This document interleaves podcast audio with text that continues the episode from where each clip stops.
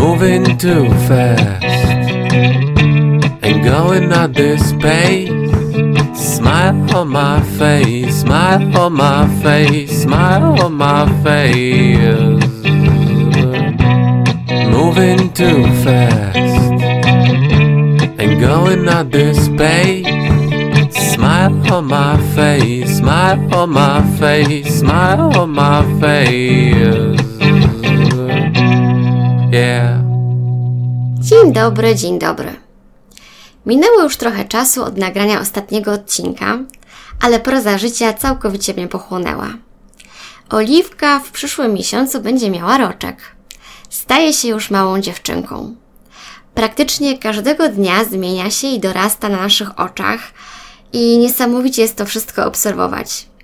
Doceniamy to, że jesteśmy w takim momencie naszego życia, w którym możemy poświęcić jej tak dużo czasu i uwagi.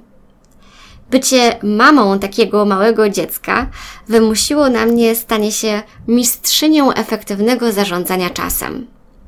Jeszcze zanim Oliwka przyszła na świat, uważałam się za całkiem dobrze zorganizowaną osobę. Ale teraz, po roku, z każdym dniem staje się jeszcze lepsza. Staram się próbować różnych rzeczy, sprawdzać, wyciągać wnioski i doskonalić się. Popełniam też mnóstwo błędów, ale to właśnie dzięki nim najwięcej się uczę.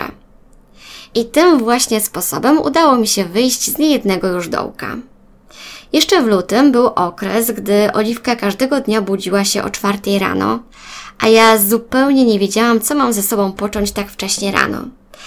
Tak więc ślęczałam, pijąc dwie poranne kawy. Zwykle oglądałam przy tym jakiś program na BBC lub czytałam książkę i jednocześnie huśtałam oliwkę. Gdy około szóstej rano udało jej się zasnąć, to kładłam się obok niej, chcąc nadrobić braki snu.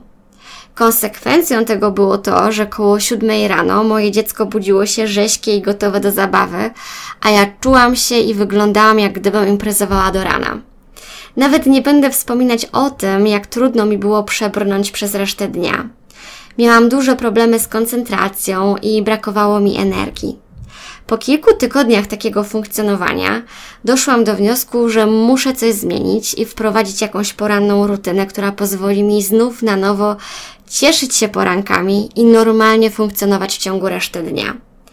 Tak więc ponad miesiąc temu, gdy tak jak zwykle rozpoczęłyśmy dzień o czwartej rano, postanowiłam, że tym razem zamiast siedzieć przy kawie, zrobię sobie ją, ale będę ją pić w łazience podczas szykowania się. Oliwka bawi się wtedy, a ja szybko biorę prysznic, ubieram się, czeszę i maluję. I tempo wykonywania tych wszystkich czynności zależy tylko od jej humoru i od tego, jak długo potrafi zająć się sama sobą. Tak więc czasami mam nawet pół godziny dla siebie, ale czasami jest tylko kwadrans. Na szczęście zawsze mam pod ręką jakieś rzeczy, które mogą na kilka dodatkowych minut zająć jej uwagę. Gdy jestem już gotowa, idziemy do kuchni i biorę się za szykowanie dla nas śniadania.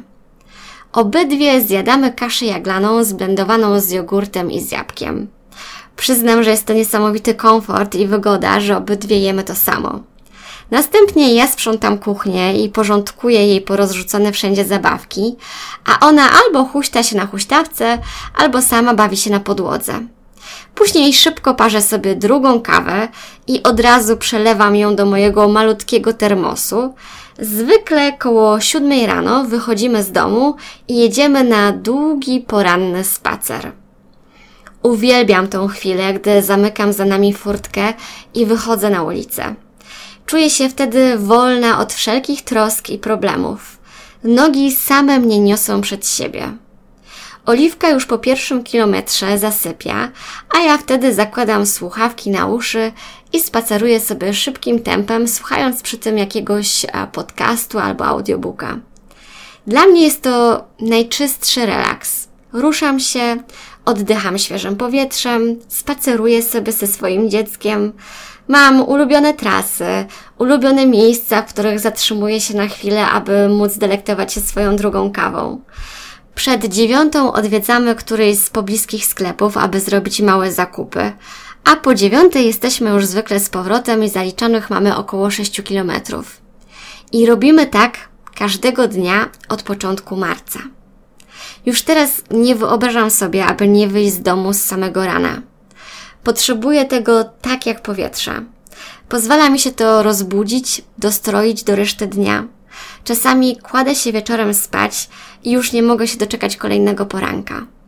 Pamiętam, że czułam taką samą ekscytację, gdy zaczęłam swoją przygodę z porannym bieganiem. Czasami z tego podniecenia aż ciężko mi było zasnąć. Poranki są zdecydowanie moją najbardziej ulubioną porą dnia. Koło 5-6 rano w powietrzu czuje się coś, co trudno opisać. Jest to tak jakby czysta energia, pełna spokoju, radości, połączona jednocześnie z ekscytacją. Te moje poranne spacery są dla mnie wręcz mistyczne. Z każdym przebytym kilometrem czuję się lżejsza na duszy. Mam też niesamowite doświadczenia z poznawaniem przypadkowych ludzi w czasie tych moich wędrówek. Czasami wręcz mijam kogoś na ulicy i jakimś dziwnym trafem wdajemy się w rozmowę, w czasie której ktoś streszcza mi całe swoje życie. Ludzie rano są jakby bardziej otwarci na drugiego człowieka. Tak więc warto jest wychodzić z domu, szwendać się, nawet po swoim własnym osiedlu, bo zawsze jest szansa na poznanie jakiejś ciekawej osoby. Już nieraz wspominałam, że jestem fanką wczesnego wstawania i że bardzo lubię spacerować, ale taką pełnię szczęścia udało mi się osiągnąć dopiero wtedy, gdy połączyłam ze sobą te dwie rzeczy. Ci, którzy wyprowadzają rano swoje psy, to uśmiechają się na mój widok, bo praktycznie każdego dnia spotykamy się w tych samych miejscach, tylko że ja jestem zjawiskiem bardziej niecodziennym, bo skoro świt, wyprowadzam swoje dziecko w wózku. W czasie tych spacerów często myślę o moim psie, e, tęsknię za nią bardzo. Kiedyś to Macy była moją wierną towarzyszką na spacerach. Ostatnio przypomniałam sobie też o pewnej bardzo oryginalnej starszej pani, którą kiedyś znałam. E, miała ponad 70 lat, mieszkała sama i prowadziła na dole pralnię. Miała dwa psy, które każdego ranka brała na ponadgodzinny spacer i zwykle wychodziła zaraz po szóstej rano. Wtedy nie do końca rozumiałam, po co zrywa się tak wcześnie, ale teraz im jestem starsza, tym bardziej doceniam niezwykłość porannej rutyny związanej z ruchem na świeżym powietrzu. Człowiek wraca potem do domu rzeźki i pełen energii do pracy. Ona po tym spacerze zasiadała do śniadania, a później od razu schodziła na dół do swojej pralni i rozpoczynała pracę. Gdy ją tak obserwowałam, to przychodziła mi do głowy myśl, że gdyby kiedyś jej stan zdrowia nie pozwolił jej na te codzienne długie spacery i na pracę, to ona zapewne bardzo szybko podupadłaby na zdrowiu i straciła apetyt na dalsze życie. Wypracowana przez lata poranna rutyna jest często tym, co trzyma nas w ryzach. Daje siłę, aby każdego dnia na nowo mierzyć się z życiem i z tym, co ono przynosi. To wyjście z domu rano jest trochę tak jak wysłanie światu sygnału na to, że jesteśmy gotowi na kolejny nowy dzień. Nie wiem, jak długo Oliwka będzie się budzić tak wcześnie, ale wiem, że bardzo chciałabym pielęgnować sobie ten zwyczaj wstawania koło piątej rano i szykowania się do wyjścia na spacer. Być może kiedyś te spacery będą trochę krótsze, tylko po to, abym miała możliwość zaczęcia pracy trochę wcześniej, bo rano jestem zdecydowanie najbardziej produktywna. Teraz właśnie sobie przypomniałam, że kilka lat temu planowałam sobie, że cudownie byłoby wybrać się kiedyś na spacer po jakimś pięknym mieście, usiąść na ławce z widokiem na przykład na most i delektować się smakiem kawy i widokiem wschodzącego słońca. To zawsze w mojej głowie było taką wizją idealnego poranka. I było ono raczej w sferze marzeń, bo ciężko było mi wyobrazić sobie siebie zrywającej się skoro świt i szwendającej się gdzieś po mieście. A teraz myślę, że w niedługim czasie wybiorę się na to oglądanie wschodu słońca.